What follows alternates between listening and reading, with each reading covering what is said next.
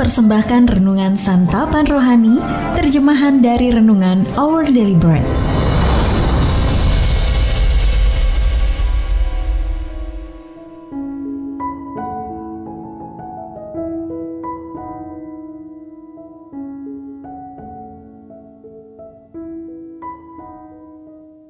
Sahabat ODB, pembacaan Alkitab hari ini terambil dari 1 Samuel pasal yang ke-24 ayat yang pertama sampai dengan ayat yang ke-7.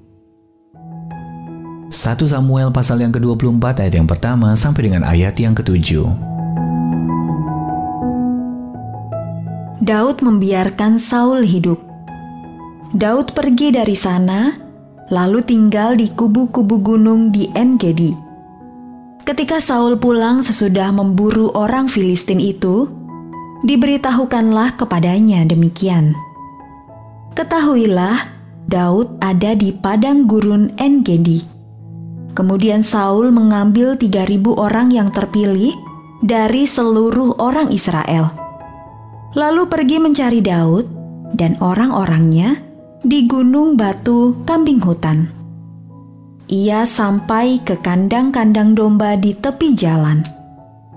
Di sana ada gua dan Saul masuk ke dalamnya untuk membuang hajat.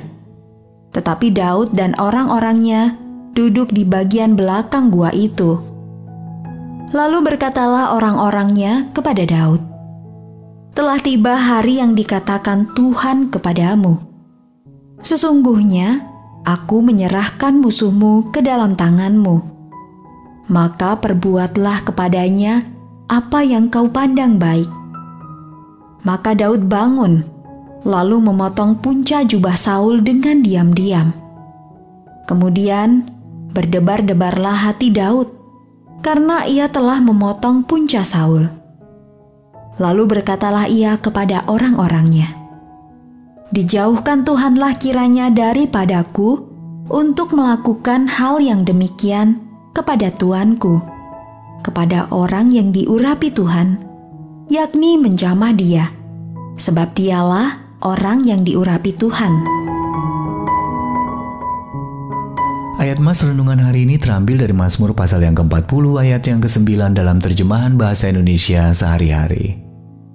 Aku senang melakukan kehendakmu ya Allah, hukummu kusimpan di dalam hati. Renungan hari ini berjudul Apakah Ini Pertanda? ditulis oleh Leslie Ko. Tawaran pekerjaan itu tampak bagus dan tepat seperti apa yang Peter butuhkan.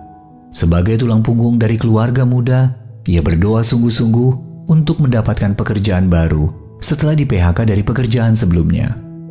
Pasti di jawaban Allah untuk doa-doamu, teman-temannya berkata.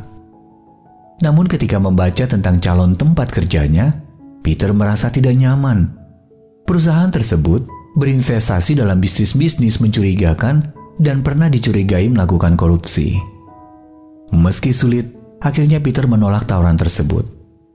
Aku percaya Allah ingin aku melakukan sesuatu yang benar, katanya kepada saya. Aku hanya perlu percaya bahwa dia memeliharaku. Peter ingat tentang kisah pertemuan Daud dan Saul di dalam goa. Pada momen itu, Daud seolah-olah diberi kesempatan yang sempurna untuk membunuh pria yang sedang memburunya. Tetapi Daud menolak. Dijauhkan Tuhanlah kiranya daripada aku untuk melakukan yang demikian, sebab dialah yang diurapi Tuhan. Katanya, dalam 1 Samuel pasal 24 ayat yang ke-6. Dengan hati-hati Daud dapat membedakan penafsirannya sendiri terhadap situasi yang ada dengan perintah Allah untuk menati ketetapannya dan melakukan apa yang benar. Daripada selalu mencari-cari pertanda dalam situasi-situasi tertentu, marilah melihat kepada Allah dan kebenarannya agar kita memperoleh hikmat dan tuntunan untuk mempertimbangkan apa yang ada di hadapan kita. Dia akan menolong kita melakukan apa yang benar di matanya. Sahabat ODB, apa yang dapat membantu Anda membedakan penafsiran pribadi dengan apa yang Allah ingin Anda lakukan? Lalu kepada siapa anda dapat meminta nasihat yang alkitabiah. Mari kita berdoa. Allah pemelihara kami, berilah aku hikmat untuk mempertimbangkan kesempatan di hadapanku dan iman untuk mengikuti jalanmu, sehingga aku dapat selalu melakukan apa yang menyenangkanmu. Amin. Jika Anda ingin mendapatkan buku renungan ini dalam bahasa Indonesia, Inggris atau Mandarin, WhatsApp kami di 0878 7878 9978 atau email indonesia@odb.org. Persembahan kasih dari Anda memampukan Our Daily Bread Ministries menjangkau orang-orang agar diubahkan. Tuhan memberkati.